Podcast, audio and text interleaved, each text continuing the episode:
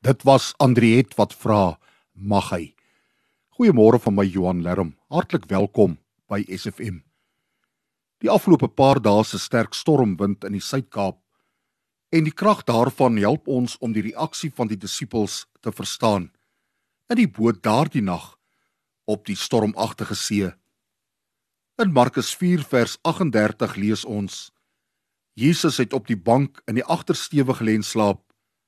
Hulle maak hom toe wakker en sê vir hom: "Meneer, gee u dan nie om dat ons vergaan nie?" Voel jy nie ook soms nie, soms so nie?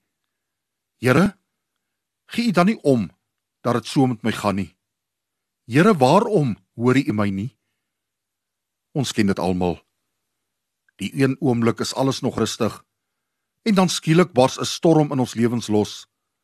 'n Geliefde wat skielik sterf die skielike verlies van inkomste, onverwagte skade en ons weet nie altyd hoe om dit te hanteer nie.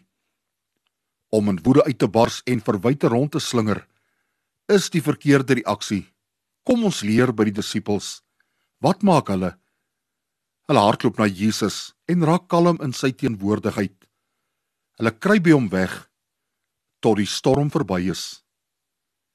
Doen dieselfde skuil by Jesus en kry nuwe krag om weer die lewe in die oë te kyk. Here Jesus, die een of ander tyd word ons gemaklike lewens omgekrap en weet ons dikwels nie hoe om dit te hanteer nie. Help ons om dan ons toevlug na U te neem. Amen.